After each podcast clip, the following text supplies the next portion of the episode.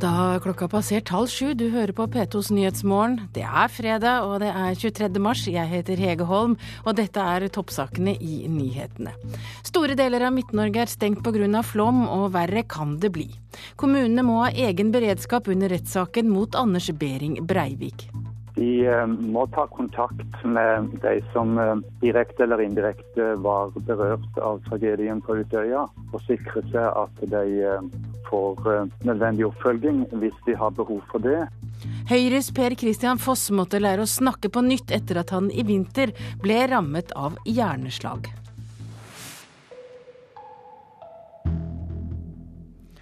Ja, da skal vi starte i Trøndelag, for eh, det har kommet mye regn i deler av Trøndelag det siste døgnet, og det kan komme mer de nærmeste dagene.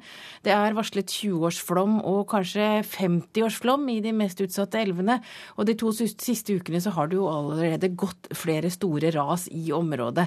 Og Anne Britte Leiseth, du er direktør i skredavdelingen ved Norges vassdrags- og energidirektorat, og du var her også i går. Hvordan har situasjonen vært det siste døgnet? Ja, Det har eh, vært eh, kraftig nedbør eh, som har li over Nord-Trøndelag, og spesielt på Fosen. Det har selvfølgelig medført stor vannstandsøkning i bekker og elver. Og vi har særlig sett på Fosen at det har vært mye vann. Det vi får melding om nå, er jo at dette har medført mange stengte veier, og, og jernbane også berørt.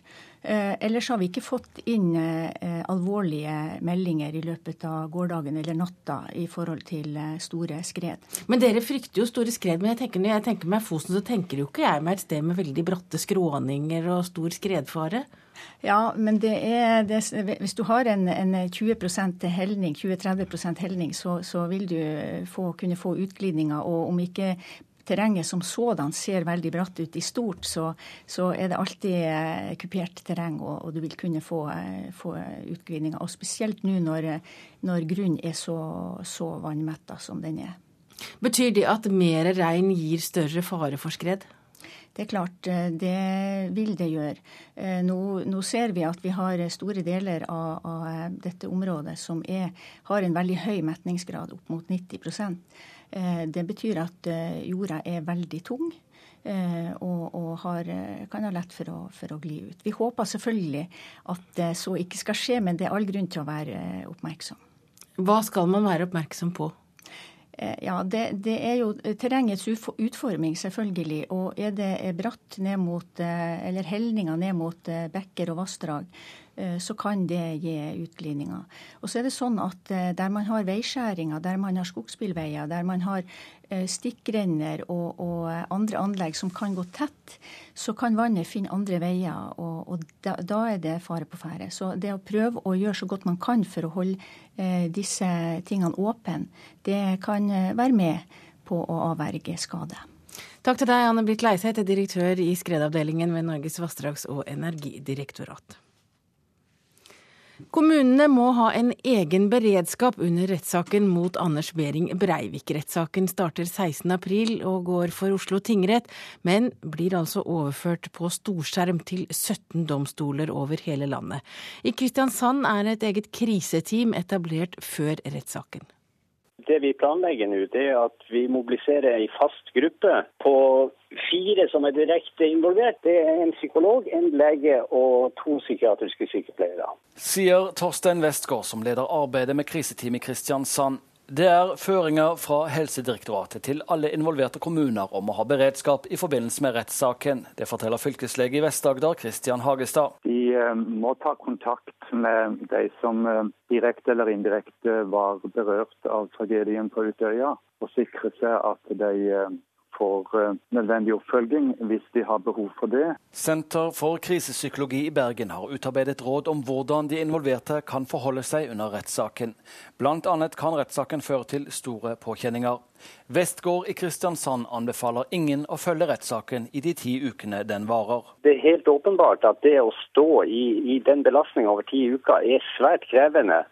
Så, så, rådet er jo helt klart å, å prøve å begrense det så langt som mulig. Men samtidig så er det jo de individuelle avgjørelsene folk må ta. Men, men, det viktigste er at man er veldig klar på å ta vare på seg sjøl oppi dette. Ja, og reporter i dette innslaget var Lars Eie. Aust-Agder fylkeskommune begynner å kreve inn bompenger for en veistrekning som ikke engang er planlagt, skriver Aftenposten. Bompengene gjelder for en ny E18-trasé mellom Arendal og Tvedestrand, men det er ikke sikkert at det blir noe av strekningen. Statens vegvesen har ikke prioritert veistrekningen i Nasjonal transportplan, som gjelder fram til år 2023. Samferdselsminister Magnhild Meltveit Kleppa kan ikke garantere at veien blir noe av, men vil heller ikke gripe inn for å stoppe bompengebetalingen betalingen, skriver avisa. Selskapet REC må ikke betale tilbake en eneste krone i offentlige støtteordninger, selv om solenergiselskapet legger ned virksomheten i Norge. Det skriver Nasjonen. REC har mottatt flere hundre millioner kroner i støtte fra det offentlige siden oppstarten i 1996. Kommunikasjonsdirektør i Innovasjon Norge, Kjetil Svorkmo Bergman, sier at REC per i dag ikke har mottatt midler som konsernet må betale tilbake dersom produksjonen blir lagt ned i Norge. Høyres Per Christian Foss måtte lære å snakke på nytt etter at han i vinter fikk hjerneslag. I januar fikk Foss konstatert et lett hjerneslag, og han trengte logopedhjelp for å lære seg å snakke tydelig igjen. Han forteller at det var en utfordring å komme tilbake i politikerjobben etter slaget. Jeg forberedte meg mye mer enn før. Eh, jeg var mye mer konsentrert for å få fast uttale og ingen slarvete lyder og god diksjon. Det var vanskelig for Høyre-veteranen Per Christian Foss å vende tilbake til jobben som stortingsrepresentant etter å ha blitt rammet av slag. Foss har vært fast på Stortinget siden 1981 og har ikke vært sykemeldt en eneste dag før han ble syk i vinter. Å stå på sidelinjen var tøft. Hvis du spiller i et stykke, og du blir tatt av, og beskjed om å være hjemme i to uker, det var før fælt. Sånn var det for meg også. Jeg var i aktivitet og følte at jeg kunne, kunne sakene. Eh, men eh, måtte gå hjemme, og det var ikke lett. Slaget ble oppdaget da Foss tidlig i januar plutselig begynte å snakke uklart og utydelig. Han syntes det var rart for en yrkesaktiv politiker å måtte lære seg å snakke på nytt. Og så måtte jeg begynne hos en logoped. Vet Jeg snakket et helt liv, og så måtte jeg gå og begynne å lære å snakke nesten. da. Altså Ikke sånn fra begynnelsen av, men eh, rette på masse feil. Noe hadde, jeg fått, hadde slaget gjort. Men det var nok også feil måten jeg hadde snakket på hele tiden. Foss fikk tidlig høre at han skulle bli like frisk som før. Men da han først fikk slagbeskjeden, fryktet han det verste. Nei, jeg ble, jeg ble redd. Rett og slett redd. For det var første gang jeg har vært syk i en alder av over 60 år. Og, og du lurer på om, om livet er slutt med dette og alt som du, tankene som far gjennom hodet ditt. Eh, men heldigvis var det leger som kunne sine saker, og sykepleiersker. Eh, og de sa at du skal tilbake igjen der du kommer fra. holdt jeg på siden.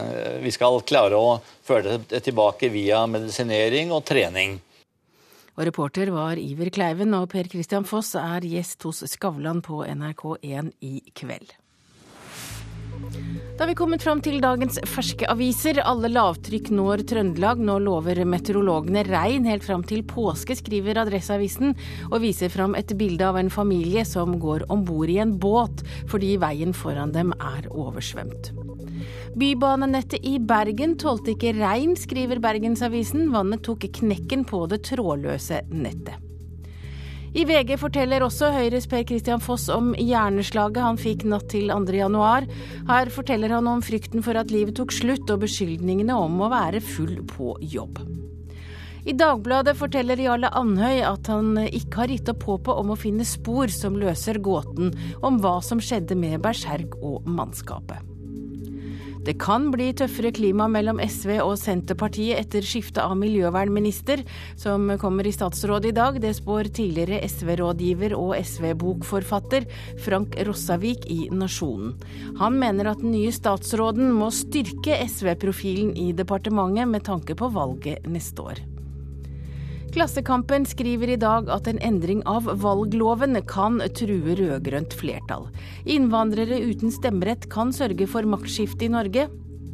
Det bor nemlig flest innvandrere i borgerlige fylker, og en endring av valgloven sier at de skal telle med i fordelingen av stortingsmandater.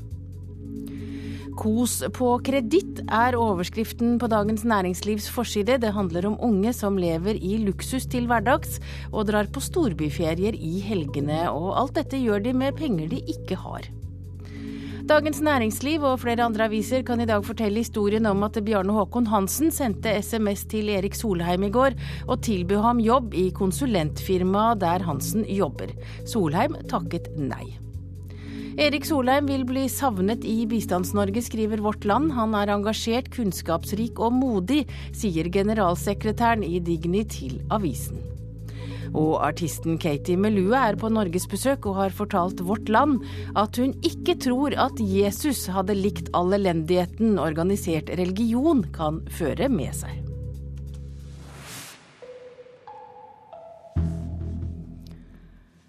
Og så skal det handle om fotball, for Ole Gunnar Solskjær kan gjenskape fjorårets Molde-gull. Det mener toppfotballsjef Nils Johan Semb, som sammenligner Molde-sjefen med trenerlegenden Nils Arne Eggen. Men Eggen selv vil ikke forhåndsvurdere om Solskjær kan følge opp fjorårssuksessen. Altså Alle trenere, alle spillere må jo bevise det. Man kan ikke synes det. Jeg kjenner jo, Han er jo en veldig fersk trener, så, men jeg tror Ole Gunnar har muligheter til å utvikle seg. Sier trenerlegenden Nils Arne Eggen. Som Rosenborg-trener klarte han mildt sagt å gjenskape suksess. Fra 1992 til 2004 ledet han laget til 13 seriegull på rad. Du må være ydmyk i forhold til prestasjon, for den må nemlig gjentas og forbedres. Nå skal Ole Gunnar Solskjær forsøke å gjenskape gullet fra sin debutsesong som Molde-sjef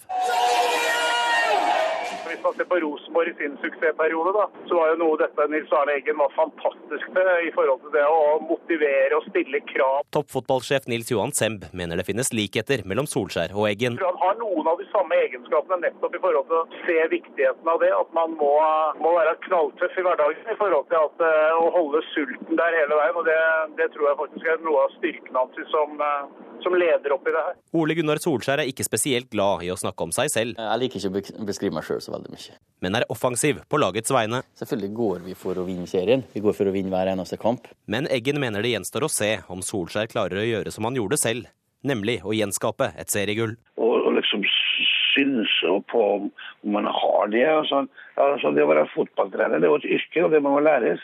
Og det læres gjennom erfaring, først og fremst. Ja, og det sa Nils Arne Eggen til reporter Mats Håby. Og i kveld sparkes altså Tippeligaen 2012 i gang. Regjerende mester er Molde. Der er altså treneren Ole Gunnar Solskjær. Og Vegard Flemmen Vågbø, du er sportsjournalist i Romsdals Bustikke, og jeg regner med at du er mer enn normalt interessert i hvordan det går med Molde. Tror du Solskjær klarer å gjenta bedriften? Jeg tror i hvert fall uh, han og klubben har alle alle forutsetninger for å greie det. Så, um, så jeg ser ingen, uh, ingen, andre som er bedre rusta til, til, å vinne serien enn en, en, i øyeblikket Ja, hvorfor det? Eh, nei, eh, det er flere grunner til det, egentlig. Men eh, eh først og fremst fordi at han har eh, en veldig god spillerstall. og så har han et veldig godt trenerteam rundt seg. det som skiller i hvert fall som jeg ser det personlig, skiller han og MFK fra alle andre, er trenerteamene han har rundt seg, som er faglig sett eh, langt bedre enn eh, noen andre klubber har. Eh, og nå er du helt objektiv? Ja, men det er det faktisk. Eh, han har, og det sier han sjøl òg, de tre eh, han har rundt seg, to, to engelskmenn og en, en danske han henta i fjor, eh, er tre personer han lener seg veldig mye på og bruker veldig aktivt i, i treningshverdagen. Men Vågbøy, Nå snakker du mye om de andre, men hvor mye av Moldes suksess er Solskjærs fortjeneste? Det, er, det er liten tvil om at han, at han skal mye av æren for det. Mye lå til rette da han kom hit, med OK spillerstall og bra økonomi og bra publikum og, og administrasjon. Men det er han som sydde det sammen, og det er han på en måte som, som fikk brikkene til å passe sammen. Så det er utvilsomt at det han skal mye av æren for det. Det er helt sikkert. Hvor mye betyr den lokale støtten Molde får? Den er vel helt uh, utslagsgivende. Uh, både gjennom uh, den støtten som Kjell Inge Røkke og Bjørn Rune Helstad har vært i mange år, men òg gjennom den publikumsstøtta som faktisk er her. Når, når en by på 25 000, eller kommune på 25 000 kan samle ja, nesten 10 000 på kamp i snitt, så det er klart at det er veldig veldig viktig for en, for en relativt liten klubb. Um, så den er både imponerende og helt utslagsgivende. Hva har rivaliseringen med Ålesund å bety? Um, nei, den har vel uh, blitt en positiv, positiv greie, tror jeg. Jeg tror de to klubbene uh, er flinke til å, til å uh, konkurrere med hverandre og, og få, noe, få, en positiv følelse for, for konkurranse. Um, jeg tror ikke det Det er i hvert fall ikke blitt et negativt hva skal jeg kalle det, brorskap, men det er mer en en katalysator for sportslig utvikling, sånn som det er i hvert fall er akkurat nå. Og I kveld er det altså kamp, så får vi se hvordan det går. Takk til deg, Vegard Flemmen Vågbø, sportsjournalist i Romsdals Bustikke.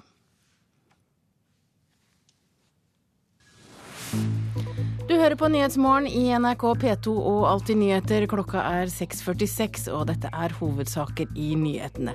Store deler av Midt-Norge er stengt pga. flom, og verre kan det bli. Høyres Per Christian Foss måtte lære å snakke igjen på nytt etter at han i vinter ble rammet av hjerneslag. Og norske musikkorps vurderer å demonstrere 17. mai mot Kulturdepartementets manglende interesse.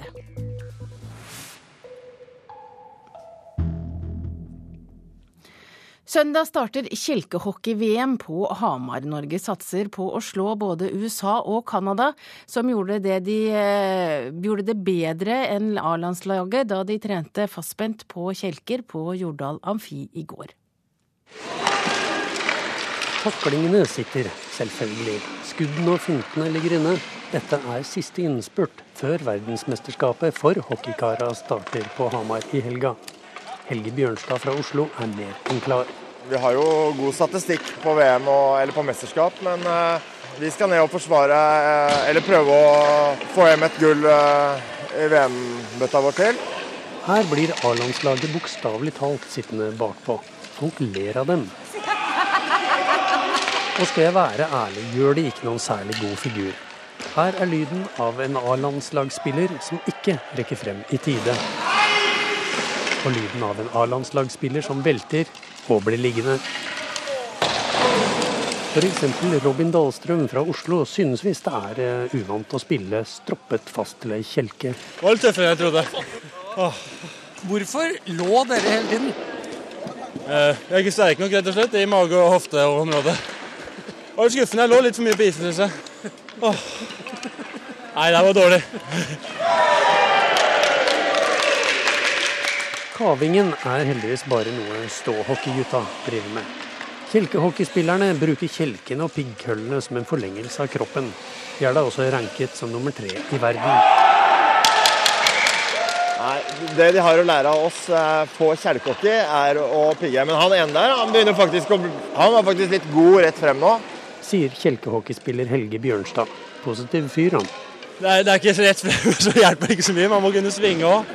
Det er viktig å kunne svinge, ja. De er gjeng med knallbra trent toppidrettsutøvere, de òg, så er, vi har mye å lære på alle områder når det gjelder trening og mental syke og alt mulig rart. Så. Start med puck, spille puck ned. Pass tilbake. Nok om stågutta. Hos kjelkeheltene skal systemene finslipes i dag. Her er assistenttreneren Frank Dahlstrøm. Vi er jo foregangsnasjon da, i skjerkhockey. Så det er jo, vi har fortrinnet i det. Det er det de kan lære av dere, altså bli foregangsnasjon også på ståhockey? ja, det hadde vært så enkelt. Men veldig plutselig står jeg midt oppi det, midt ute på isen, og lurer på hvor god kontroll de egentlig kan ha på disse farkostene sine. Jeg er sikker på at du klarte å stoppe i tide? Ja, nei, jeg var ikke sikker på det. Eller på pucker på avveie. Oi, forsiktig. Oi, der kom fort. Det er jo bare som alt annet. For å bli god i noe, så må du trene mye på det. Selv for de gode i toppsjiktet er det neppe selvsagt at det blir gull på hjemmebane på Hamar. Men kanskje disse kjelkekara har noen triks i skjæret? Du vet omtrent som når ståhockeytyper legger en Kongen av Danmark-finte inn kjøkkenveien. Jeg tar ikke så mye Kongen av Danmark, det er andre av gutta på laget som står for. Men jeg prøver å dra keeperen ut på en av sidene og så legge den i motsatt. Så det går ofte. Så da skulle det vel gå veien.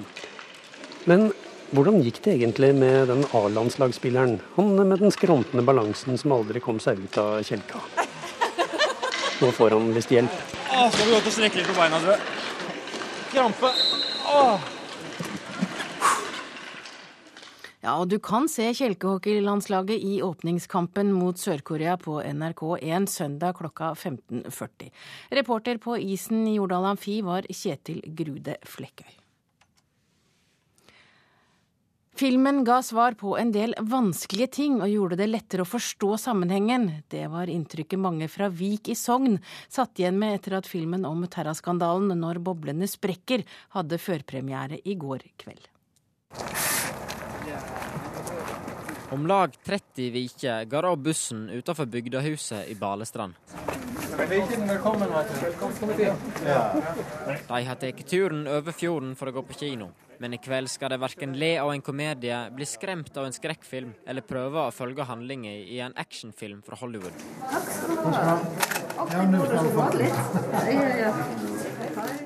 Denne milde torsdagskvelden er det den nye filmen om terraskandalen, 'Når boblene sprekker', som skal vises.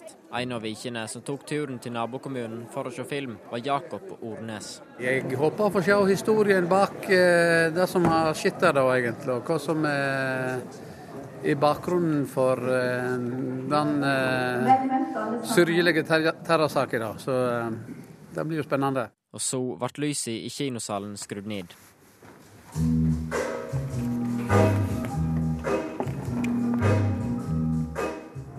Vi er hatt en rivende bra økonomi hittil før dette her skjedde. da.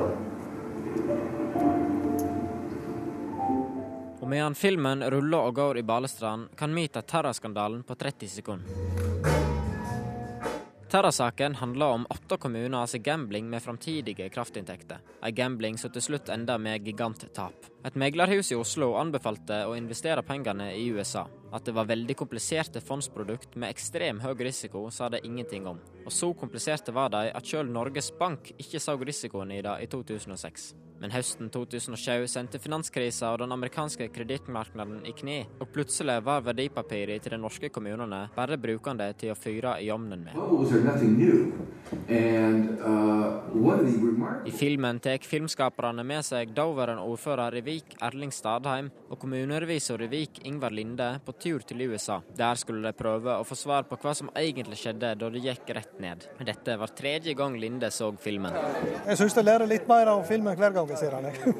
For uh, det er mye detaljer. Jeg syns det er en viktig lærefilm fra show at uh, her må en tenke seg om uh, hva faktisk det kan skje i økonomien. Det er jo rene pyramidespill. Manusforfatter Petter Skavlan sier at valget på Vik som eksempel faller ganske naturlig. Vik ble jo tidlig på 2000-tallet kåret til Norges beste kommune å leve i. Det samme året som Norge ble kåret til verdens beste nasjon å leve i. Sånn at Vik var da verdens beste kommune det året. Og det var det året de gjorde disse fortvilte terrainvesteringene. Så vi syns det var et veldig godt utgangspunkt å fortelle historien vår. Og en som kunne sette seg på bussen med mer kunnskap om hva som skjedde i heimkommunen, var Jakob Ornes. Enda mer eh, informasjon, så får du et eh, enda bedre bakteppe for det som har skjedd.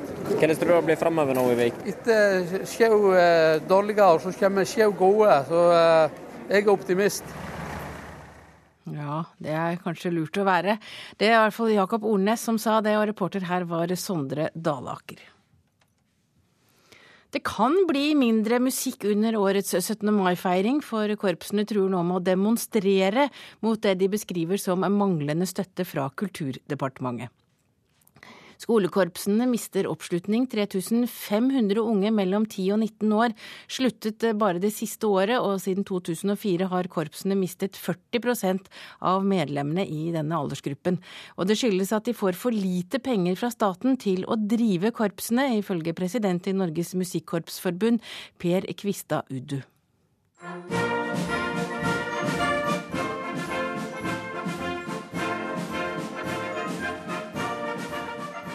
Det er slik vi vant til å høre dem, musikkorpsene. Under 17. mai-feiringen er korpsene en selvfølgelighet. Men i Norges Musikkorpsforbund, som er landets største frivillige kulturorganisasjon med mer enn 65 000 medlemmer, er tålmodigheten med det de mener er en manglende interesse fra Kulturdepartementet, tynnslitt. Det sier president Per Kvistad Uddu. Du tuller ikke med de gamle korpsentusiastene, så i fjor ville de jo boikotte og ikke spille 17. mai. og vi gikk ut eh, på ledernivå og fraråda å bruke sånne virkemidler, men i år er det enda mer aktuelt. og vi har faktisk eh, hatt ideer om å ta eh, ti minutter timeout 17. mai. At ingen korps spiller fra 11 til 10 over 11 f.eks. og bare slår kantslag på trommene. Hvis ikke vi får noe oppmerksomhet rundt eh, de bekymringene våre, så, så, kan jo det bli en realitet. Det at frivilligheten skal styrkes i Norge, det syns vi er mye festtaler. Det er foreldrene som i stor grad tar ansvaret for å ta vare på vår folkebevegelse, og det er ikke, det er ikke riktig. De må skaffe penger sjøl. Et skolekorps har instrumenter til 1 million kroner, så sier seg sjøl at det er ganske store utgifter. Stortinget har bedt regjeringen legge frem forslag om strategi for å styrke korpsbevegelsen og få skolekorpsene inn på Unescos verdensarvliste. Men Per Kvistad Uddu opplever regjeringen som arrogant. Ja, Vi opplever at vi får ikke respons eh, hos regjeringa når vi prøver å styrke korpsene. og nå var det en positiv sak på Stortinget i uka her som vi skal følge opp. og Vi har jo ideer på hvordan vi kan styrke bevegelsen, men eh, vi vil signalisere stor bekymring hvis ikke våre rammevilkår for skolekorpsene blir betydelig styrka i løpet av eh, et år eller to. Denne regjeringa har jo styrka korpsa med flere nye ordninger. Du har både momskompensasjonsordninga, du har ordninga til støtte til innkjøp til instrument, du har Frifond musikk og du har òg grasrotandelen, som ganske mange korps får ta ut en god del fra. Så jeg er ikke enig i det Per Uddu sier, at eh, denne regjeringa ikke har styrka og prioritert korps. OSS vil jo fortsette å videreutvikle og styrke og satse på korps. Eh, men eh, når det gjelder problemer i forhold til rekruttering, som og Korpsforbundet viser til, så tror jeg ikke at penger løser alt. Så her tror jeg du må se på Eh, andre ting enn bare penger. Du må se på hvordan korpsene jobber, samarbeid med skole eh, og lære til de korpsene som har lykkes. Dersom Korpsforbundet vurderer å demonstrere på grunnlovsdagen vår, så eh, må det være en vurdering de må ta sjøl. Jeg syns at grunnlovsdagen 17. mai bør brukes kanskje til andre ting enn å demonstrere, men som sagt, den, den vurderinga må Korpsforbundet gjøre sjøl. Ja, og den pekefingeren kom fra statssekretær Kjersti Stenseng i Kulturdepartementet. Så får vi se hva som skjer 17. mai, da. Reporter her var Jan Rye Ravnestad.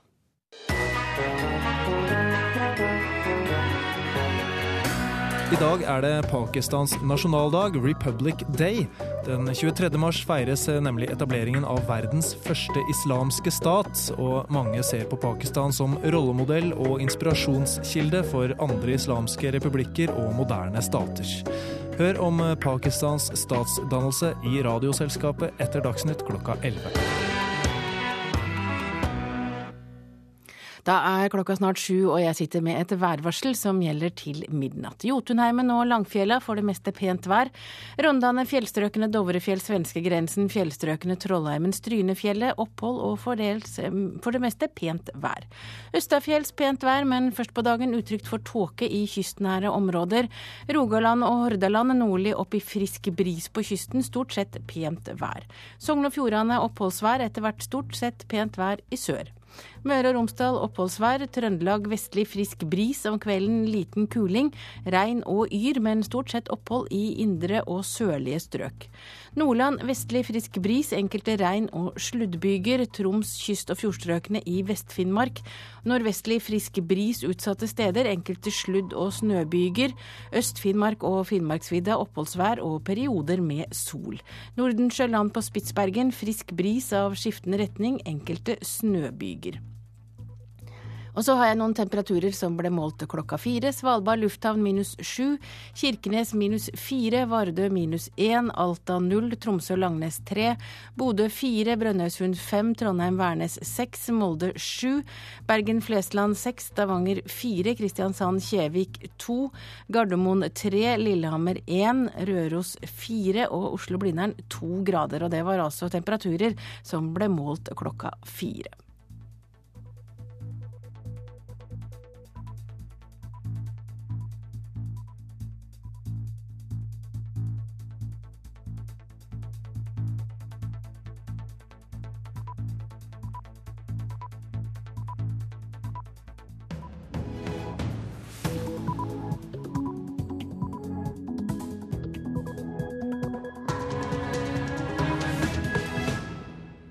Da er klokka sju, du hører på Nyhetsmorgen, jeg heter Hege Holm og her er en nyhetsoppdatering. Store deler av Trøndelag er stengt pga. flom, og verre skal det bli.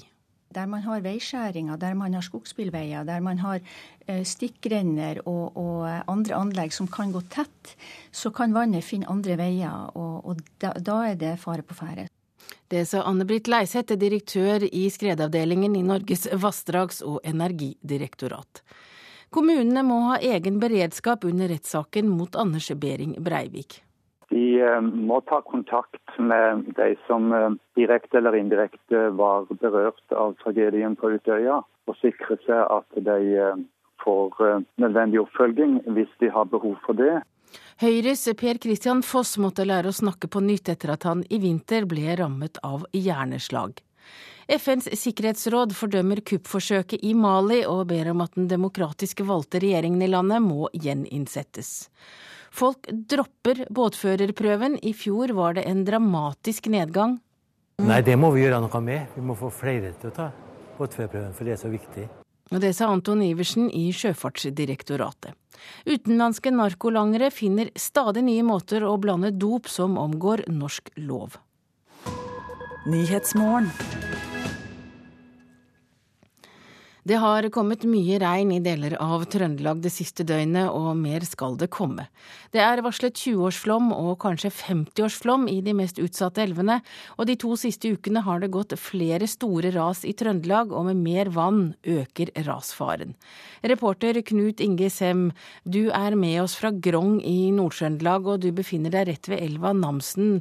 Hvordan ser det ut rundt deg? Nei, akkurat nå så kan man kanskje si at det er litt stille før eh, stormen. Elva som var større eh, i går kveld, har gått litt på retur. Det har ikke regna spesielt hardt i dette området i eh, natt. Det er, som du sier, meldt eh, mer nedbør fremover. Det er meldt til dels ganske mye regn i dette området i eh, Eh, mot helga. Så Namsen og Sandøla som da møtes akkurat her ved Grong og fortsetter da ned videre til Namsos som eh, elva Namsen, den kan nok bli vesentlig større. Og så frykter man jo da at det skal sette i gang økt snøsmelting i eh, fjellet som følge av at det er mildere vær også, da. Ja, vi ser på forsiden av Adresseavisen i dag, så er det noen som setter seg i en båt fordi veien er oversvømt. Hvordan står det til med veier og jernbaner i fylket nå? Det er jo enkelte eh, mindre veier som er stengt, og der har det vel også gått en del mindre jordras. Av de største veiene så er det vel Europavei 14, altså veien fra Stjørdal og opp mot Sverige. Den er i øyeblikket sperra. Der er det også enkelte innbyggere som er strømløse fordi at det har rasa ut en strømmast. Og de kommer seg jo da ikke opp dit for å reparere den pga. at veien er sperra. Også Meråkerbanen er i øyeblikket stengt. Det blir tatt en avgjørelse ut på dagen hvorvidt den blir åpna. Nordlandsbanen var stengt fram til ca. klokka 23 i går kveld. Da ble den åpna. Den var stengt mellom Grong og Namsskogan. Men der er nå jernbanen åpen, og nattogene har gått som normalt. Hvordan reagerer folk på regnværet og faren for eh, både skred og flom? Her er det sindige trøndere, og alle som bor langs eh, Namsen er kjent med Namsens eh, oppførsel i forbindelse med vårflommene. Og så har kommunene eh, fått av NVE et meget godt verktøy her, et digitalt flomkart som viser høyder og vannstand for 5, 20, 50 og helt opp til 200 års flom. Så kommuner er godt forberedt på hva som kan skje, og folk har jo levd ved denne elva i såpass mange år at man tar sine forholdsregler. når når det gjelder akkurat det. Sindige trøndere, og takk til deg, reporter Knut Inge Sem. Da skal vi til eh, rettssaken eh, som begynner om ikke så mange ukene, for politiet kan få opplysninger om hvem Anders Behring Breivik har hatt kontakt med på Facebook, først etter at rettssaken er ferdig. Det sier politiadvokat Pål Fredrik Hjort Kraby. Politiet har fram til nå sendt 41 rettsanmodninger til andre land i etterforskningen av Anders Behring Breivik. 17 står fortsatt ubesvarte. Flere av disse gjelder innsyn i Breiviks Facebook-kontoer, som kan vise om han hadde eventuelle medhjelpere. Vi har eh, sendt ut eh, en rekke rettsanmodninger i hele verden. 30 avhør av Anders Behring Breivik på til sammen 200 timer. Etterforskningen av den terrortiltalte har resultert i 100 permer med etterforskningsmateriale så langt, men de venter på mer. Politiet har sendt 41 rettsanmodninger til 26 land. De har fått svar fra 24. Tre og en halv uke før rettssaken starter, er 17 henvendelser fortsatt ubesvart. Vi har rettet uh, rettsanmodning til USA, som sagt, uh, og vi venter på svar uh, fra dem på, i forhold til Facebook og i forhold til flere andre. Det handler om hvem Anders Behring Breivik har hatt kontakt med på Facebook, hva de har snakket om, om noen har visst om angrepet som skulle komme. Ja, det vil si noe om hvilke personer han har hatt kontakt med eh, forut for eh, terroraksjonene, eh, som selvfølgelig er interessant for oss. Som også kan ha noe å si i forhold til om man har hatt eh, medhjelpere? Ja, Det er spørsmålet, hovedspørsmålet om man har hatt medhjelpere, eh, som da er sentralt å belyse. og Da er da, da hans kontakt på Facebook, sosiale medier, e-poster interessante. Tre og en halv uke før rettssaken starter Politiadvokat Kraby sier det er usikkert om de vil få innsyn i Breiviks Facebook-kontoer, og eventuelt om han hadde medhjelpere før rettssaken er ferdig. Eh, det kan ikke vise sikkert, fordi vi har bedt et annet land om hjelp. Eh, så da er vi avhengig av den hjelpen vi får derfra. Men dere tror de vil få det før domsavslutningen? Vi håper vi vil få det før domsavslutningen. Hvordan vil det påvirke da hvordan dommerne skal ta stilling til, eh, til det etterforskningsmaterialet? Nå har de tatt ut en tiltale på bakgrunn av det etterforskningsmaterialet de har per i dag. Og så Det vi nå snakker om, da, eh, opplysninger fra Facebook, det er nok ting som vi da definerer som løse tråder, som vi ønsker å, å, følge opp. Men som vi ikke nødvendigvis tror at vi vil få så mye ut av. Mm, det, vil, det kan jo ha betydning for forsvarernes oppgave, f.eks.? For det kan også ha betydning for deres oppgave, men som sagt, det er der vi står nå i dag. For fire og en halv måned siden sendte politiet for første gang en rettsanmodning om å få innsyn i Breiviks Facebook-kontoer. Det var spesielt to som Breivik skal ha slettet i 2010. Breivik selv nektet å skrive under på en samtykkeerklæring som ville gitt politiet tilgang. Vi har rettet eh, flere henvendelser til Facebook, og også fått signaler fra dem som tyder på at vi vil få en god dialog. Syns du det har tatt for lang tid? Eh, jeg skal ikke uttale meg så mye om det, men vi har rettet en rettsanmodning til USA, som bl.a. omfatter tilgang til opplysninger fra Facebook. Eh, og den var ganske omfattende, denne rettsanmodningen. slik at det tok lang tid for oss, eller noe tid for oss å få sendt den ut. Eh, og de må også da få tid til å bearbeide den rettsanmodningen og gi oss de svarene vi ønsker. Ja, og Det fortalte altså politiadvokat Pål Fredrik Hjort Kraby til reporter Ellen Omland. Da skal vi ut i verden. Vi skal til Kina, for flere tall fra Kina de siste dagene viser at veksten i midtens rike går saktere enn før. Og det har skapt stor nervøsitet på verdens børser. Hvorfor det, sjeføkonom Elisabeth Olvik i Sparebank1? Ja, en må huske at uh, veldig mye av det som har holdt oppe veksten siden 2008, har jo vært en, en kraftig stimulering av den kinesiske økonomien. De har eh, bygd store eh, veiprosjekt, infrastrukturprosjekt. Og de har pressa bankene til å låne ut til eh, kommunale prosjekt, til tapsprosjekt. Nå ser en at det begynner å stoppe litt opp i det systemet i Kina. Bankene melder om tap. Og en ser at boligmarkedet er i ferd med å, å falle i mange steder. Og det vil jo ytterligere forsterke problemene for bankene.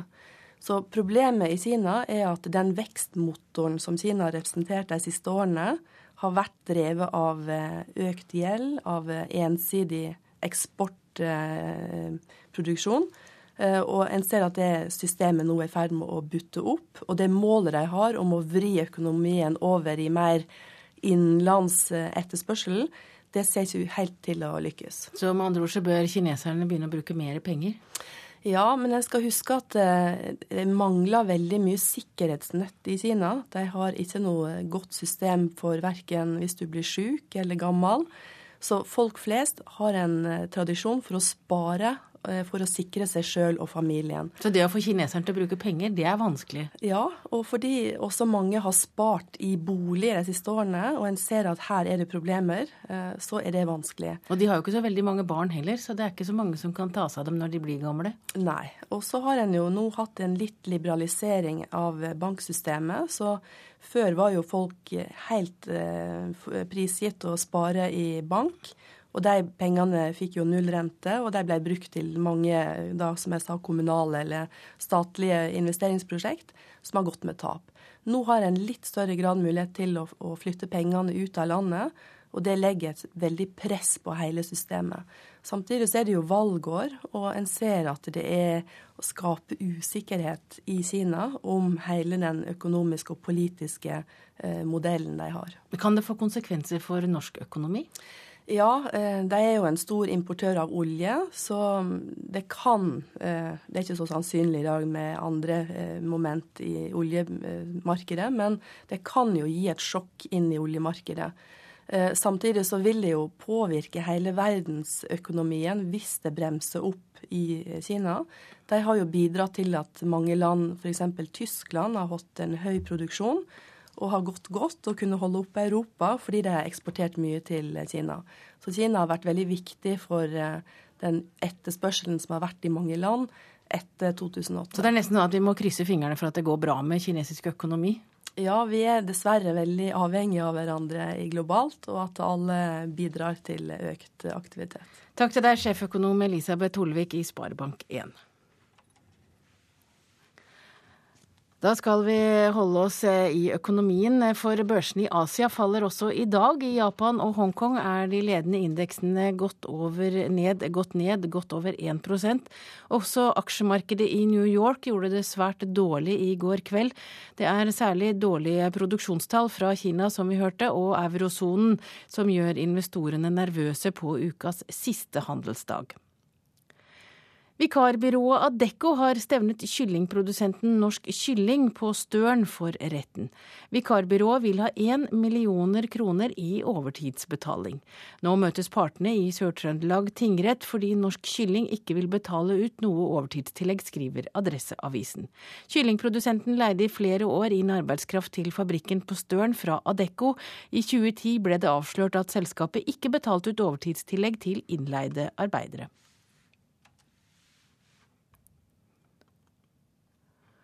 Det har vært en kraftig nedgang i tallet på personer som tar båtførerprøven. For to år siden tok nesten 30 000 denne prøven. I fjor var tallet halvert. Båtførerbevis, har du det? Det var. Du har ikke båt? Det er ikke lett for markedskonsulent Tore Russfeldt i Norsk Test, som utsteder båtførerbeviset, å få ungdom interessert i båtførerprøven.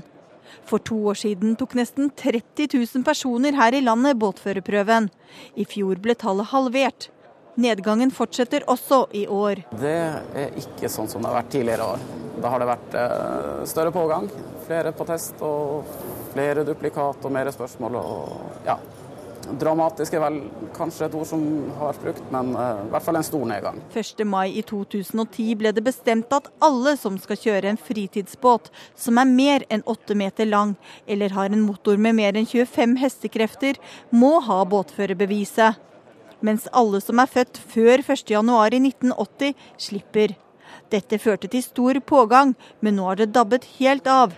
Så langt i år har nesten 20% færre tatt båtførerprøven i forhold til samme tid i fjor. Rådgiver Anton Iversen i Sjøfartsdirektoratet ser alvorlig på situasjonen. Nei, Det må vi gjøre noe med. Vi må få flere til å ta båtførerprøven, for det er så viktig. Hvis det er prisen som gjør at det er så få som eh, tar prøven nå, så må man se på det. Og reporter i saken var Anette Torjussen. Klokka er 7.13. Du hører på Nyhetsmorgen i NRK P2. Dette er hovedsaker nå.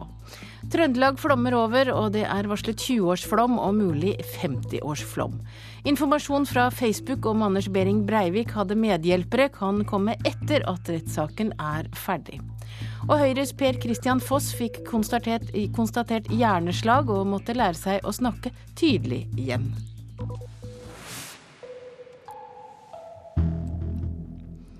FNs sikkerhetsråd fordømmer kuppforsøket i Mali natt til i går, og ber om at den demokratiske valgte regjeringen i landet må gjeninnsettes.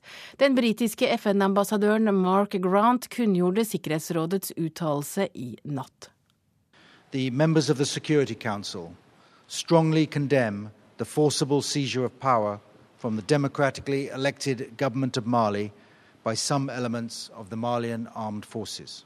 Medlemmene i Tryggingsrådet fordømmer på det sterkeste at visse element fra hæren har tatt over makta i Mali fra den demokratisk valgte regjeringa, sier den britiske FN-ambassadøren Mark Grant. Tryggingsrådet ber om at makta blir tilbakeført til regjeringa, og at opprørssoldatene sikrer tryggleiken til president Amadou Tomani Touré. Rådet ber også om at soldatene vender tilbake til leirene sine, og at alle tjenestemenn som er fengsla, blir satt fri. Det var natt til i går at en gruppe soldater tok kontroll over presidentpalasset, erklærte at presidenten var avsett og innførte portforbud i hele landet. de.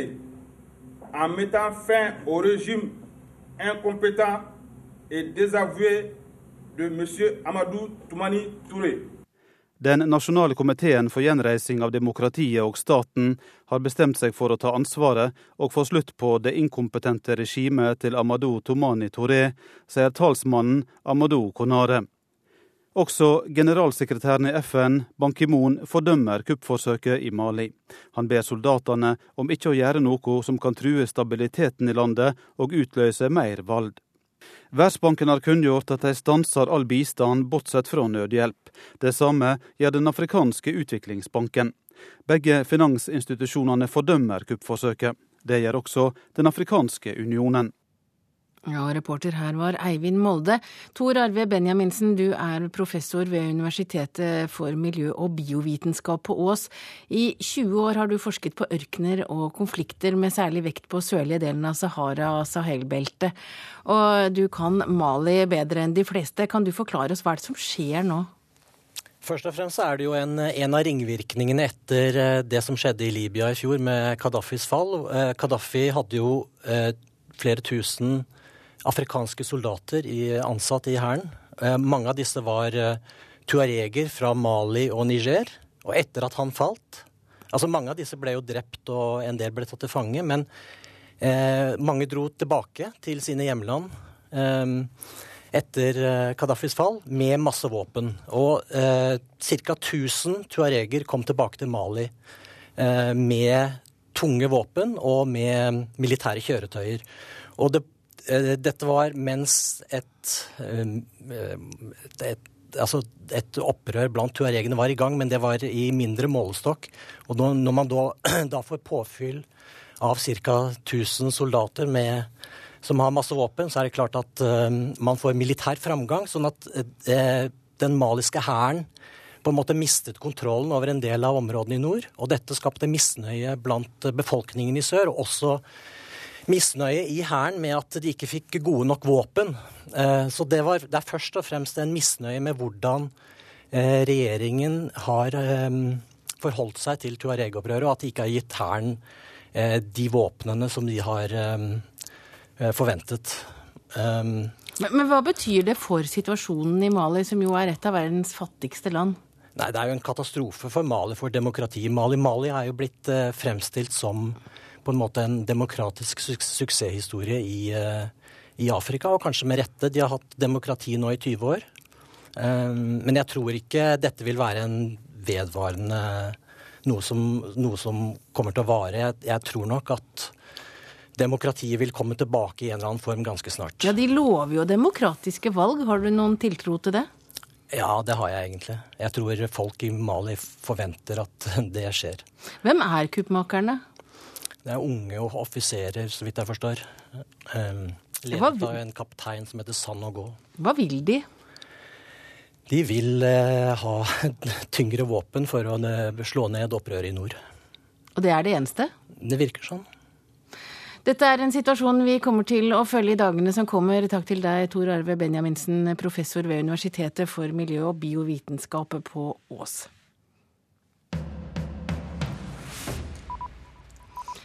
400 enkeltpersoner i Europa kan ha blitt trent opp til å bli terrorister av Al Qaida. Det mener EUs antiterrorsjef, ifølge Aftenposten. De fleste av de 400 såkalte ensomme ulvene på kontinentet skal være i Tyskland, Frankrike og Storbritannia. I går ble en 23 år gammel mann drept av fransk politi etter en lang politiaksjon. Han skal ha drept sju mennesker i Frankrike fra en scooter. FNs generalsekretær Ban Ki-moon advarer Nord-Korea mot å skyte opp en satellitt neste måned. En oppskyting vil kjølne forholdet til verden og forverre Nord-Koreas forhold for landets befolkning, sier Ban. Regjeringen i Japan har sett militæret i beredskap og forbereder seg på å skyte ned eventuelle raketter fra Nord-Korea. En tolv år gammel gutt er dømt til fengsel etter uroen i London i fjor sommer. Han er den til nå yngste som er dømt etter sammenstøtene i byen i fjor. Gutten som var elleve da uroen oppsto, sa, sa, seg skyldig etter tiltalen om ordensforstyrrelse. Han skal annet ha knust butikkvindu, og flere av 1000, flere enn 1500 personer har blitt tiltalt etter opptøyene i London i august i fjor.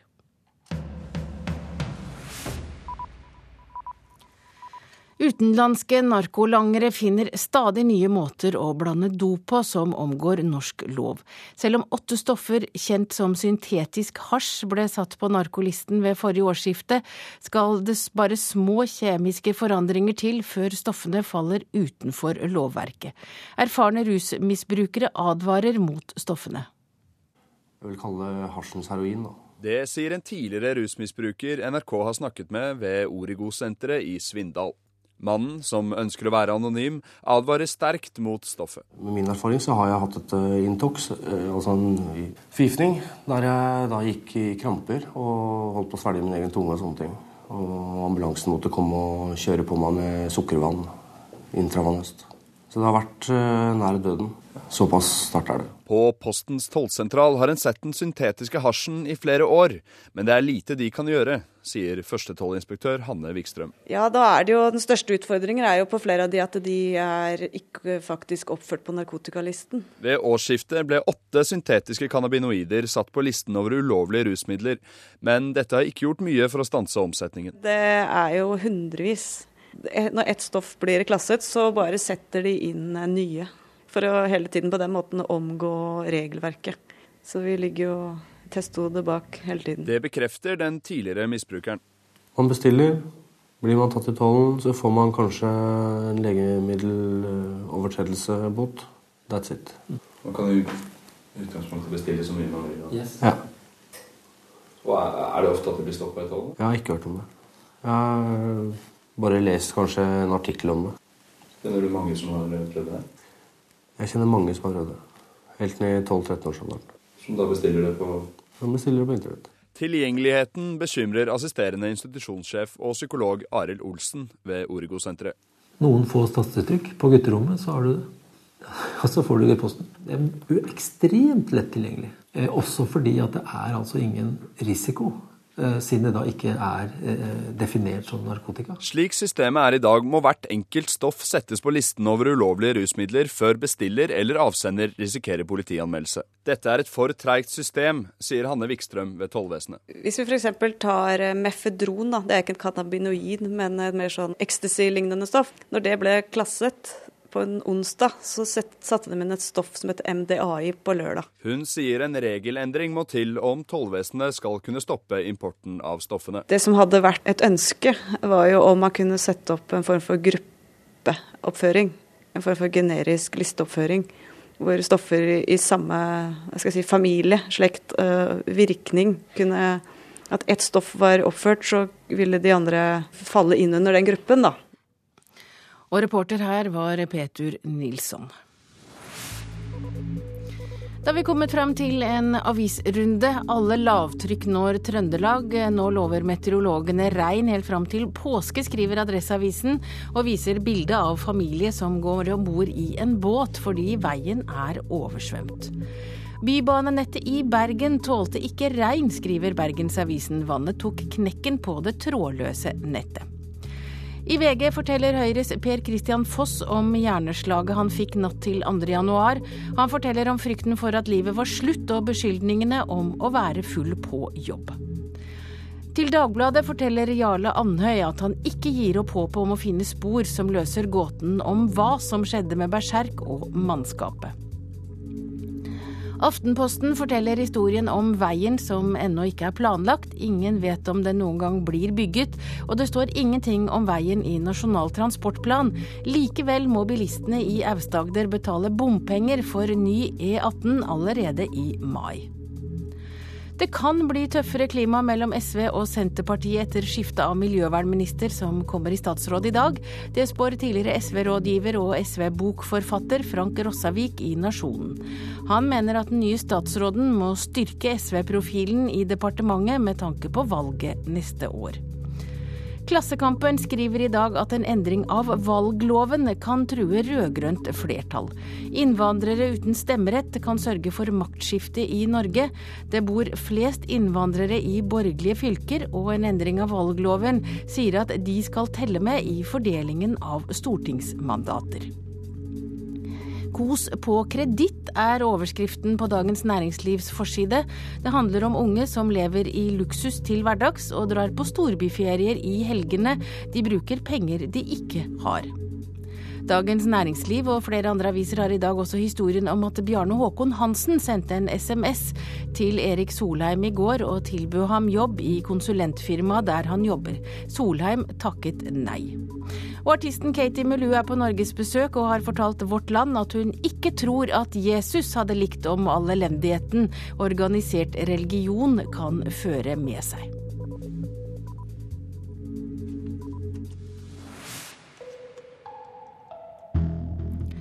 Omfattende familiegjenforeninger er systemgalskap. Det mener leder i justiskomiteen for Fremskrittspartiet, Per Sandberg.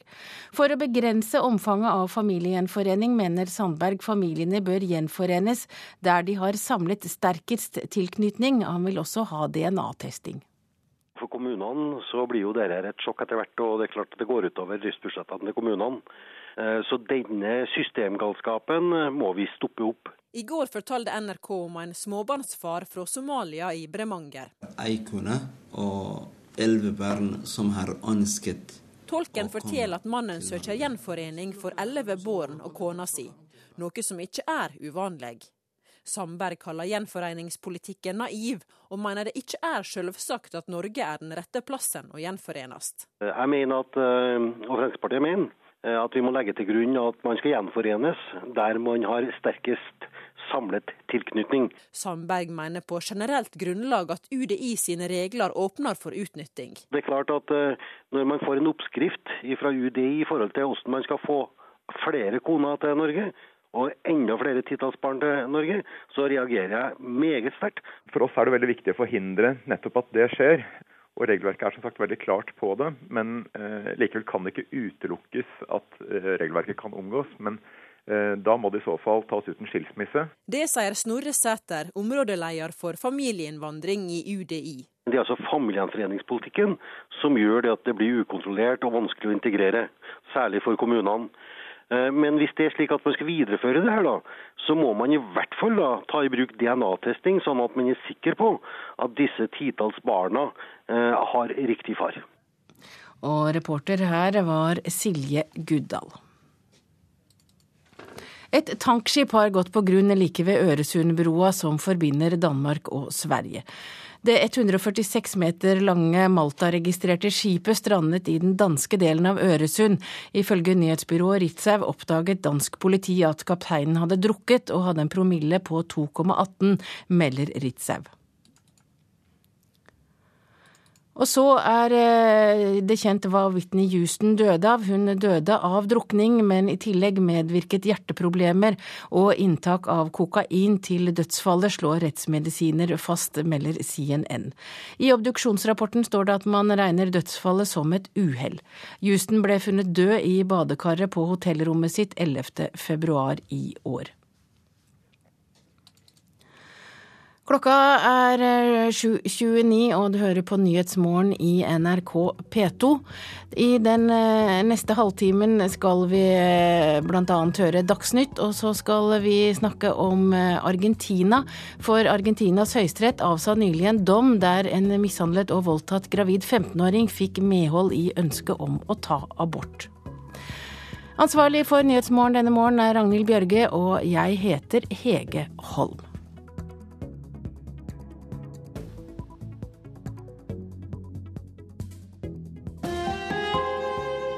Hør ekko. Tusenvis av nordmenn har tilbrakt deler av barndommen på sanatorium. Toåringer måtte reise fra mamma og pappa. Bak glassvegger kunne de vinke, men ikke en klem på måneder. Tuberkulose var folkesykdommen alle fryktet. Ekko 9 11 i NRK P2.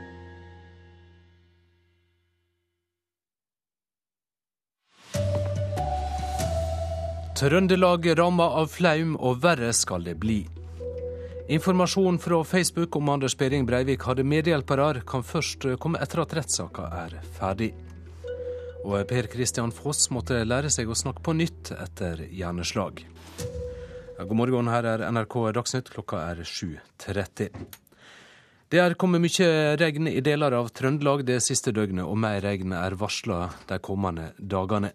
Det er snakk om 20-årsflaum og opp mot 50-årsflaum i de mest utsatte elvene. Og Knut Inge Sem, du er ved Namsen i Nord-Trøndelag, og hvordan er forholdene der nå? Forholdene nå er ganske bra. Det har ikke regna spesielt hardt i natt, så elva er på hva man kan si normal vårflomstandard. Dvs. Si den er stor, men ikke skremmende stor. Verre er det lengre sør i fylket, bl.a. i Osen-området, der det har falt enda mer regn. Der er også flere veier stengt.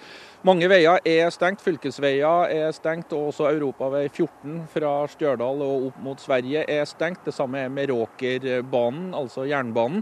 Nordlandsbanen var stengt mellom Grong og Namsskogan i går kveld, men ble åpna ved 23-tida, så der har nattog gått som planlagt. Ja, og Nå er det varsla at det vil komme enda mer nedbør. Er det snakk om at enda flere veier vil bli stengt det kommende røgne? Det kan det nok være. Det er meldt til dels kraftig regn utover dagen i dag og utover mot i morgen ettermiddag og kanskje også resten av helga. Det som er størst bekymring knytta til, er vel faren for jordras. og det er De fleste fylkesveiene er også stengt pga.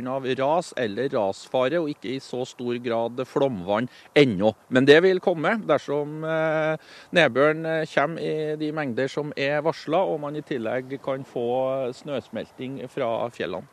Ja, nå har det både regna og vi får snøsmeltinger. Hvordan reagerer folk på alt regnet som har kommet? Nei, Man tar det nok med stoisk ro. Man er jo vant til det. De som bor langs elven har jo tatt sine forholdsregler. Også har kommunene vært veldig oppmerksomme. Det er rensa opp i stikkrenna, det er rensa opp i tilførselsbekka, tilførselselva. I tillegg så bruker kommunene NVEs flomkart, som gir da en nokså detaljert, et detaljert bilde av hvor høyt og når og hvor vannet kan komme i helt opp til 200 års flom, faktisk. Takk skal du ha, reporter Knut Inge Sem, som altså nå er med Namsen i Nord-Trøndelag og følger med på vassføringa der.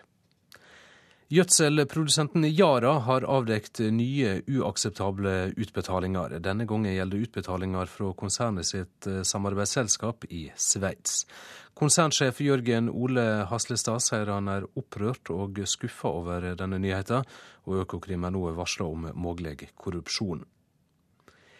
Inga Marte Torkelsen blir den femte barneministeren i Stoltenberg-regjeringa når hun blir utnevnt i dag. Ikke noe annet departement har bytta statsråd så ofte, og Torkelsen overtar et departement i krise.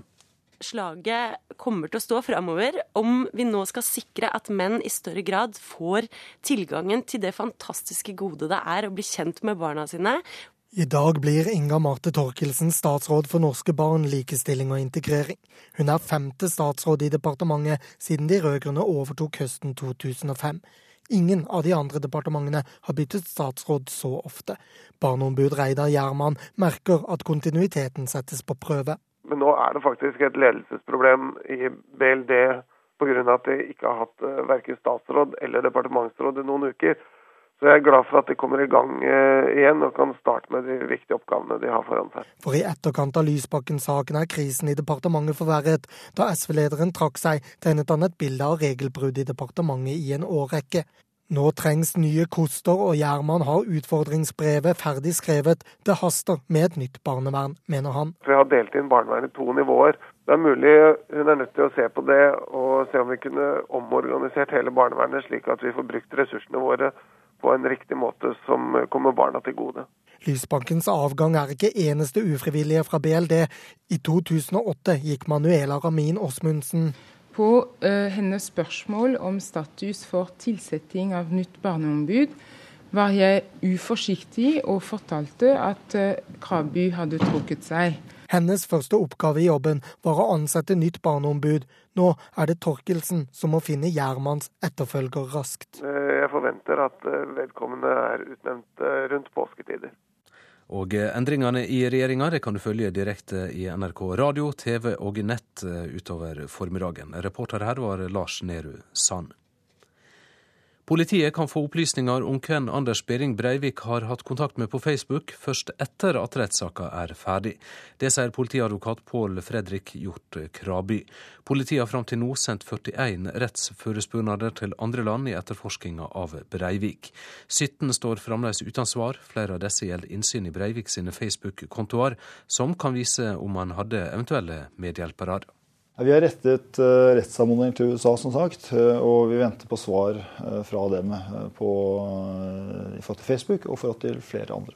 Det handler om hvem Anders Behring Breivik har hatt kontakt med på Facebook, hva de har snakket om, om noen har visst om angrepet som skulle komme. Ja, det vil si noe om hvilke personer han har hatt kontakt med eh, forut for eh, terroraksjonene. Eh, som selvfølgelig er interessant for oss. Som også kan ha noe å si i forhold til om man har hatt medhjelpere? Ja, Det er spørsmålet, hovedspørsmålet om man har hatt medhjelpere, som da er sentralt å belyse. Og da er da, da hans kontakt på Facebook, sosiale medier, e-poster interessante. Politiet har sendt 41 rettsanmodninger til 26 land. De har fått svar på 24. 17 står fortsatt ubesvart. Tre og en halv uke før rettssaken starter, sier politiadvokat Pål Fredrik Hjort Kraby at det er usikkert om de vil få innsyn i Breiviks Facebook-kontoer, og eventuelt om han hadde medhjelpere før rettssaken er ferdig. Eh, det kan ikke vise sikkert, fordi vi har bedt et annet land om hjelp. Eh, så da er vi avhengig av den hjelpen vi får derfra. Men dere tror de vil få det før domsavslutningen? Vi håper vi vil få det før domsavslutningen. Hvordan vil det påvirke da hvordan dommerne skal ta stilling til, eh, til, det etterforskningsmaterialet? Nå er det jo tatt ut en tiltale på bakgrunn av det etterforskningsmaterialet vi har per i dag. Og så Det vi nå snakker om, da, eh, opplysninger fra Facebook, det er nok ting som vi da definerer som løse tråder, som vi ønsker å, å følge opp. Reporter Ellen Omland. Høyrepolitikeren Per Christian Foss måtte lære seg å snakke på nytt da han i vinter ble ramma av slag. I januar fikk Foss konstatert et lett hjerneslag, og han trengte logopedhjelp for å lære seg å snakke tydelig igjen. Han forteller at det var ei utfordring å komme tilbake i politikerjobben etter slaget. Jeg forberedte meg mye mer enn før.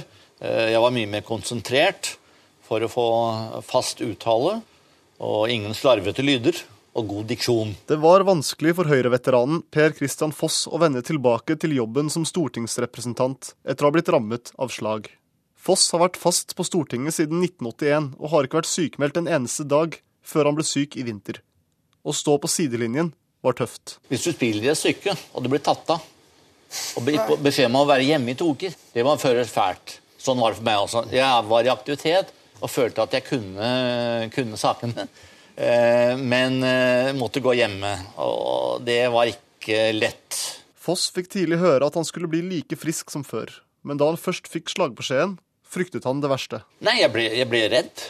Rett og slett redd, for det var første gang jeg har vært syk i en alder av over 60 år. Og, og du lurer på om, om livet er slutt med dette og alt som du, tankene som far igjen hodet ditt. Eh, men heldigvis var det leger som kunne sine saker, og sykepleiersker. Eh, og de sa at du skal tilbake igjen der du kommer fra. holdt jeg på siden. Vi skal klare å føre deg tilbake via medisinering og trening. Reporter Iver Kleiven. Molde-trener Ole Gunnar Solskjær og Strømsgodset-trener Ronny Deila hyller hverandre framfor kveldens sesongstart i Eliteserien. Begge ser at de har en del felles når det gjelder leierstil. Jeg ser veldig mye likheter. Masse av de tingene som Solskjær har innført i Molde, har vi gjort i to-tre år allerede. Sier Strømsgodset-trener Ronny Deila foran kveldens sesongåpning mot fjorårets seriemester Molde og Ole Gunnar Solskjær. Det her med å tenke på utvikling, Sette krav til eh, firehyttimersutøver. Være god til å bevisstgjøre, støtte spillerne sine. Jeg syns Ole Gunnar virker som en veldig god, trygg leder. og det, det, håper jeg vi fremstår også som eh, her i Drammen. Men det blir mer oppmerksomhet når det er Solskjær som gjør det, selvfølgelig. For etter at han vant seriegull i sin første sesong som Molde-manager, har Solskjær blitt hyllet. Men han nøler ikke med å skryte av treneren til dagens motstander.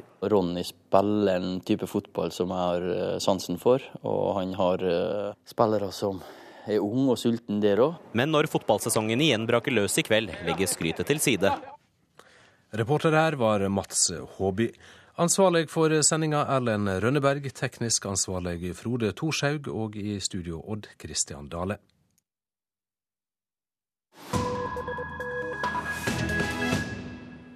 Ja, P2s Nyhetsmorgen fortsetter. Klokka er 7.40.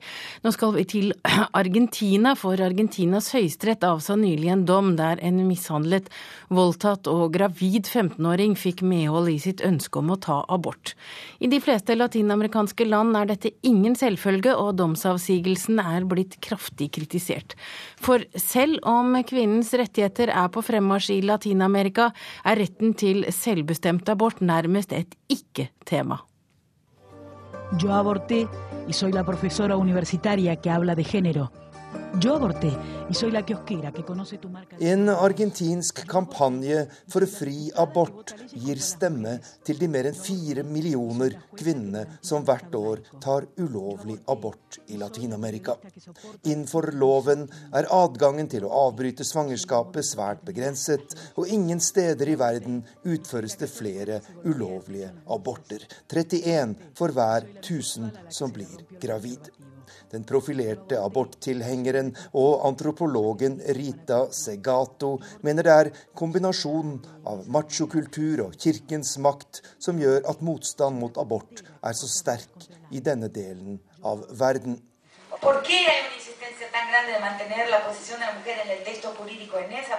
Hvorfor er det så viktig å opprettholde dagens ordning i akkurat dette spørsmålet? Jo, fordi kvinnens rett til å bestemme over sin egen kropp truer noen av de sterkeste kreftene i Latin-Amerika. Machokulturen og den katolske kirken, som jo ofte er to sider av samme sak. Den voldsomme motstand mot abort handler først og fremst om makt og innflytelse. Respekten for det ufødte liv kommer i annen rekke, mener den kjente aborttilhengeren. Tu cuerpo no es del Estado, ni condenado, ni encadenado. Es tuyo y de nadie más. I over 20 år har kvinner over hele Latin-Amerika hatt en årlig aksjonsdag for fri abort. Men resultatet er ytterst magert. For i dag er det bare ett eneste land i regionen, nemlig Cuba, som gir kvinnen full selvbestemmelse i dette spørsmålet. De fleste land har et lovfestet forbud mot abort, men gjør unntak i ekstreme tilfeller, som når kvinnens liv er i fare, eller i forbindelse med voldtekt. I noen få land, som Chile, Honduras og Nicaragua, gjøres det ingen unntak fra abortforbudet. Yo aborté y soy la profesora universitaria que habla de género. Det er et tankekors at mens kvinners rettigheter styrkes på en rekke felt i Latin-Amerika, så er retten til selvbestemt abort et tema det snakkes lite om. Og selv om både Argentina, Brasil og Chile har eller har hatt kvinnelige presidenter, så er det lite de kan få gjort på dette området, selv om de til dels har forsøkt, sier Benedicte Bull ved Senter for utvikling og miljø ved Universitetet i Oslo.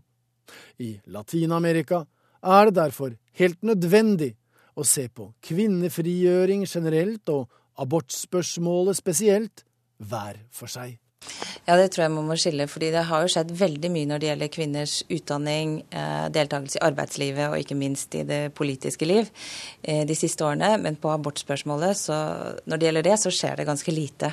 Og undersøkelser viser jo også at kvinner er ikke nødvendigvis noe mer positive til, til å liberalisere abortlovene enn menn. Det er veldig varierende. Så jeg tror man må skille de to tingene. Og abortspørsmålet har helt helt klart sammenheng med eh, religi altså religionens betydning, kirkenes betydning i, eh, i Latin-Amerika. Ja, Det forklarte Benedicte Bull ved Universitetet i Oslo. Reportere her var Arnt Stefansen og Joar Hoel Larsen. Klokka er 7.44. Dette er hovedsaker i nyhetene akkurat nå. Trøndelag er rammet av flom, og verre skal det bli. Informasjon fra Facebook om Anders Behring Breivik hadde medhjelpere kan først komme etter at rettssaken er ferdig. Og Per Christian Foss mistet taleevnen etter hjerneslag. Ja, Sigrid Solund, du skal ha Politisk kvarter. Noen kommer, og noen går. Det blir utskiftninger i regjeringen om noen få timer, og mens noen møter blomster og blitsregn foran Slottet, må andre luske ut bakveien.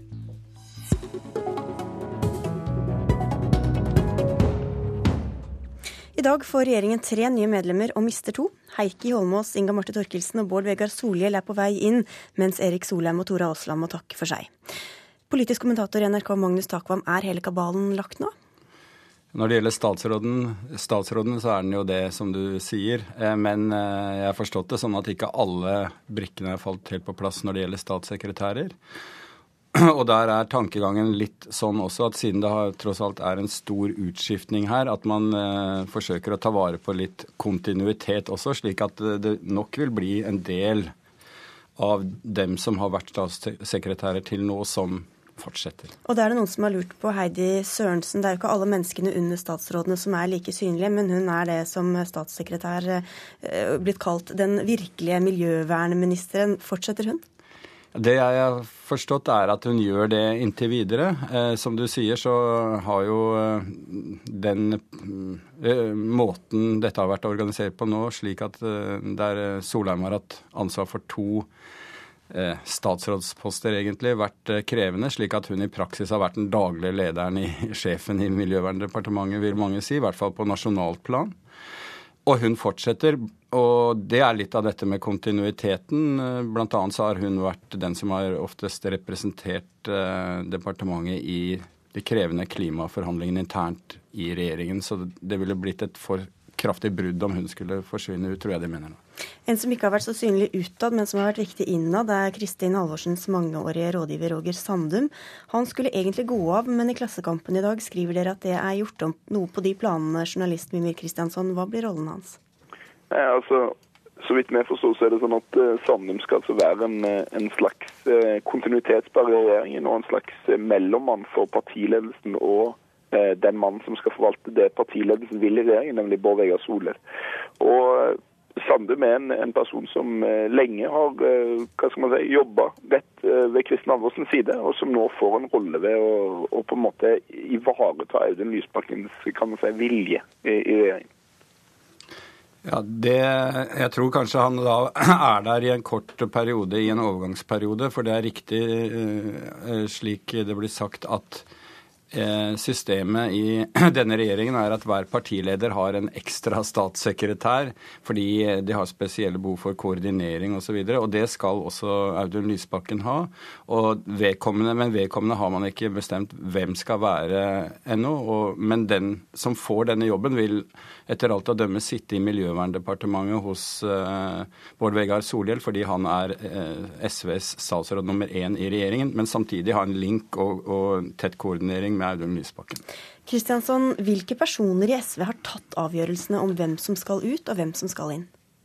Det er helt annerledes i en noe overraskende akse, eh, som er sånn at eh, Bård Vegar Solhjell og Audun Lysbakken tror jeg er enige om veldig mye. Eh, det har vært klart, eller vært diskutert veldig lenge, særlig at Tore Aasland skal gå av, men også at, skal, nei, også at Erik Solheim skal gå av. Men eh, de som har tatt den avgjørelsen, det er Audun Lysbakken og Bård Vegar Solhjell. fordi at sammen så danner de en slags sånn generasjon i SV som ønsker ganske radikale forandringer. Og selv om de er uenige om mye, så er de iallfall enige om på en måte et slags endringstempo. da. Eh, mens den sittende ledelsen med, eller avgåtte ledelsen med Halvorsen i spissen har vært mer eh, kan du si, sedat da, i forhold til å, å gjøre store forandringer. Magnus Takvam, hva gjør disse utskiftningene med SVs muligheter for å hanke inn nye stemmer, sånn som de håper på? Vel, de får i hvert fall nye frontfigurer eh, til en viss grad. Eh, statsrådspost gir jo folk en uh, maktposisjon, men også en tyngde utad. Så de håper jo på å markere et generasjonsskifte og en ny giv. Men situasjonen for SV er jo veldig krevende. Jeg mener de eh, målingene som er tatt om effekten av Lysbakken-saken f.eks., viste at for SVs velgere så har ikke den betydd noe særlig negativt. Og da er man antagelig nede på grunnfjellet hos de lojale SV-erne i øyeblikket. Så utfordringen er rett og slett å, å komme seg opp fra det nivået, og det er ikke gjort bare med en slik statsrådsrokade. Og det tror jeg de er veldig klar over sjøl også. Kristiansson, tror du det er noen forskjell på hvor tro mot regjeringen SV vil være før og etter disse rokeringene? Nei, og i den grad jeg tror det blir noen forskjell, så er det det at SV vil være enda mer tro mot regjeringen enn de har vært før. Altså, Audun Lysbakken har lagt seg på, for meg iallfall, synes det som en veldig regjeringstro linje. Eh, og han er veldig opptatt av å bevise at SV kan styre og kan fungere i en regjering. sånn at jeg har ingen tro på at SV går ut av regjeringen. Eh, det måtte i så fall være om det kom en klimamelding som var i SVs øyne skrekkelig dårlig. Men eh, jeg tror de vil gjøre sitt beste for å på en måte holde ut. Og den som kanskje kan, paradoksalt nok, levere mest regjeringskritisk stoff, er vel kanskje Heikki Holmås eh, som minister. Men han er jo også en mann som, som framfor alt skyter fra hoften. da. En mulighet. Til slutt der, Magnus Takvam, Blir det noen endring av politikken med endringen av statsrådene? Nei, ikke i de store linjene. Der har jo Lysbakken streket opp det i sin tale. Og jeg er enig i at han understreket der at, uh, at uh, det å være i regjering er en viktig strategisk uh, jobb for SV. Det gjelder om landet skal gå politisk Eh, om politiske avgjørelser skal skje i skjæringspunktet mellom SV og Arbeiderpartiet, eller, SV, eller Arbeiderpartiet og Høyre. Og det er jo et signal om at det er viktig at eh, SV har en hånd på rattet og binder opp Arbeiderpartiet. Takk skal dere ha, Mimir Kristiansson og Magnus Takvam. Og NRK følger selvfølgelig statsrådsskiftene utover dagen på radio, nett og fjernsyn.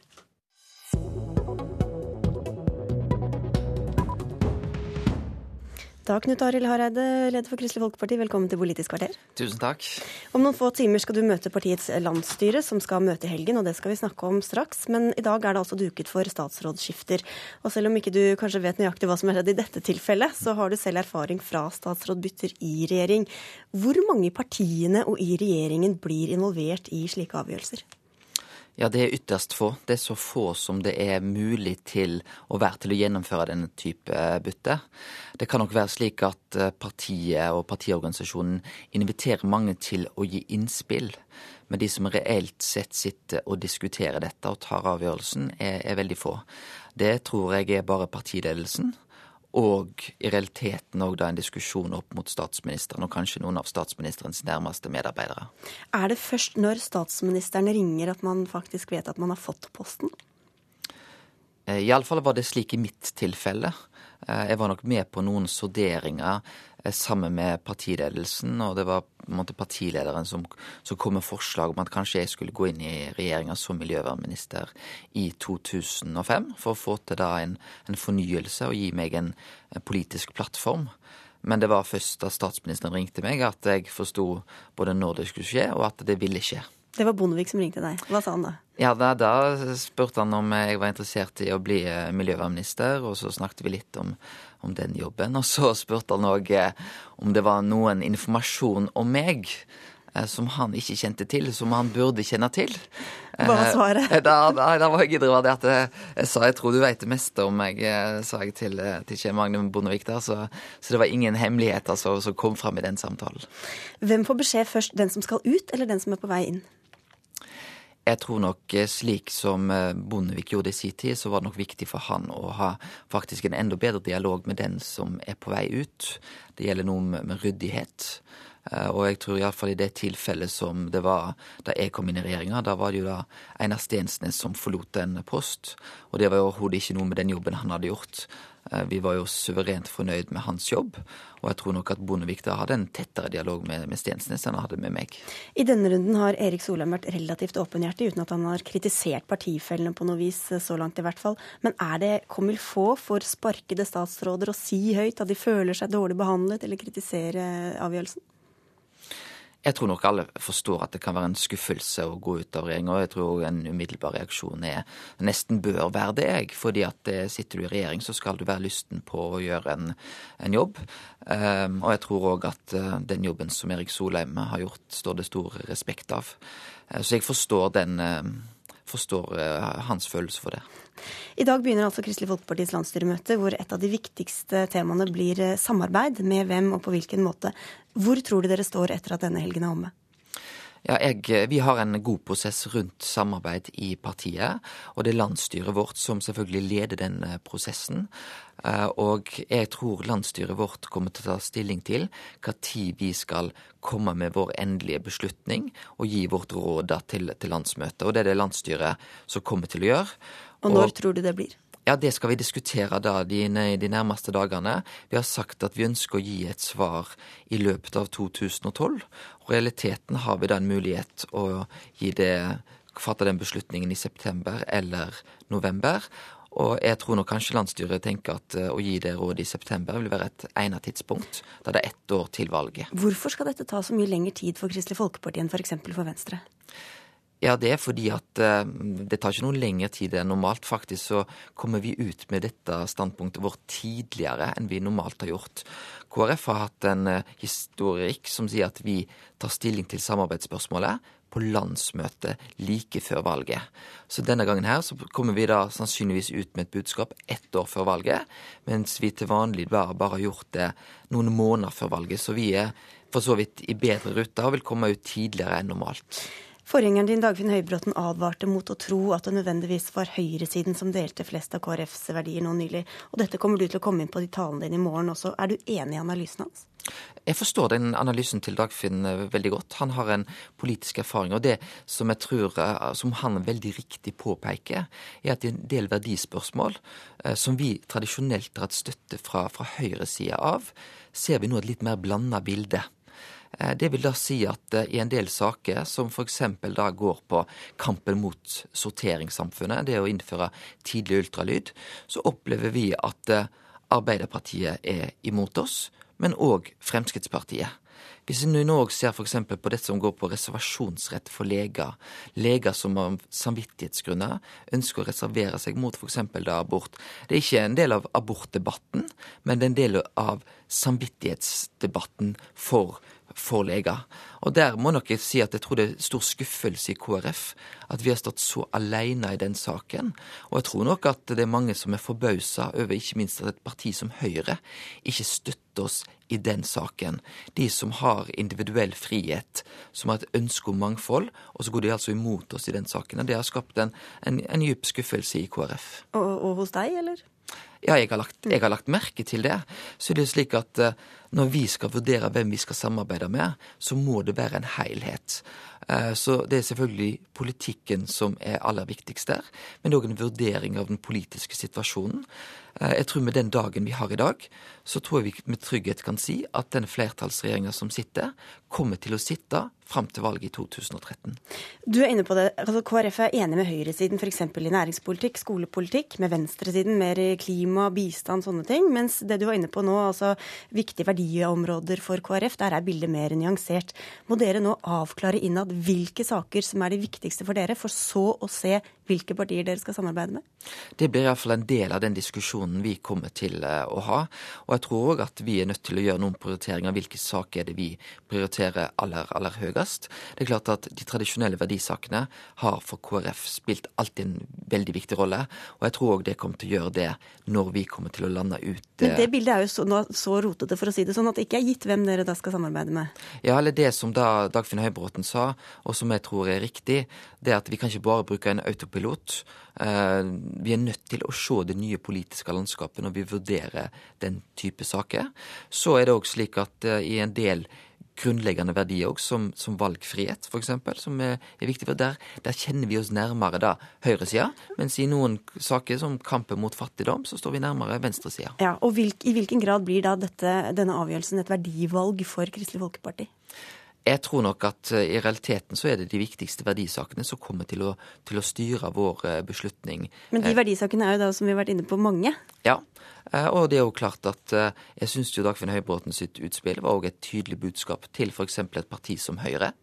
At de må forstå viktigheten av verdisakene for, for KrF, og at KrF er ingen selvfølge inn i et politisk samarbeid i 2013. Men dere kan da måtte velge om dere vil være mest opptatt av f.eks. reservasjonsretten, eller mest opptatt av bistand, eller mest opptatt av friskoler?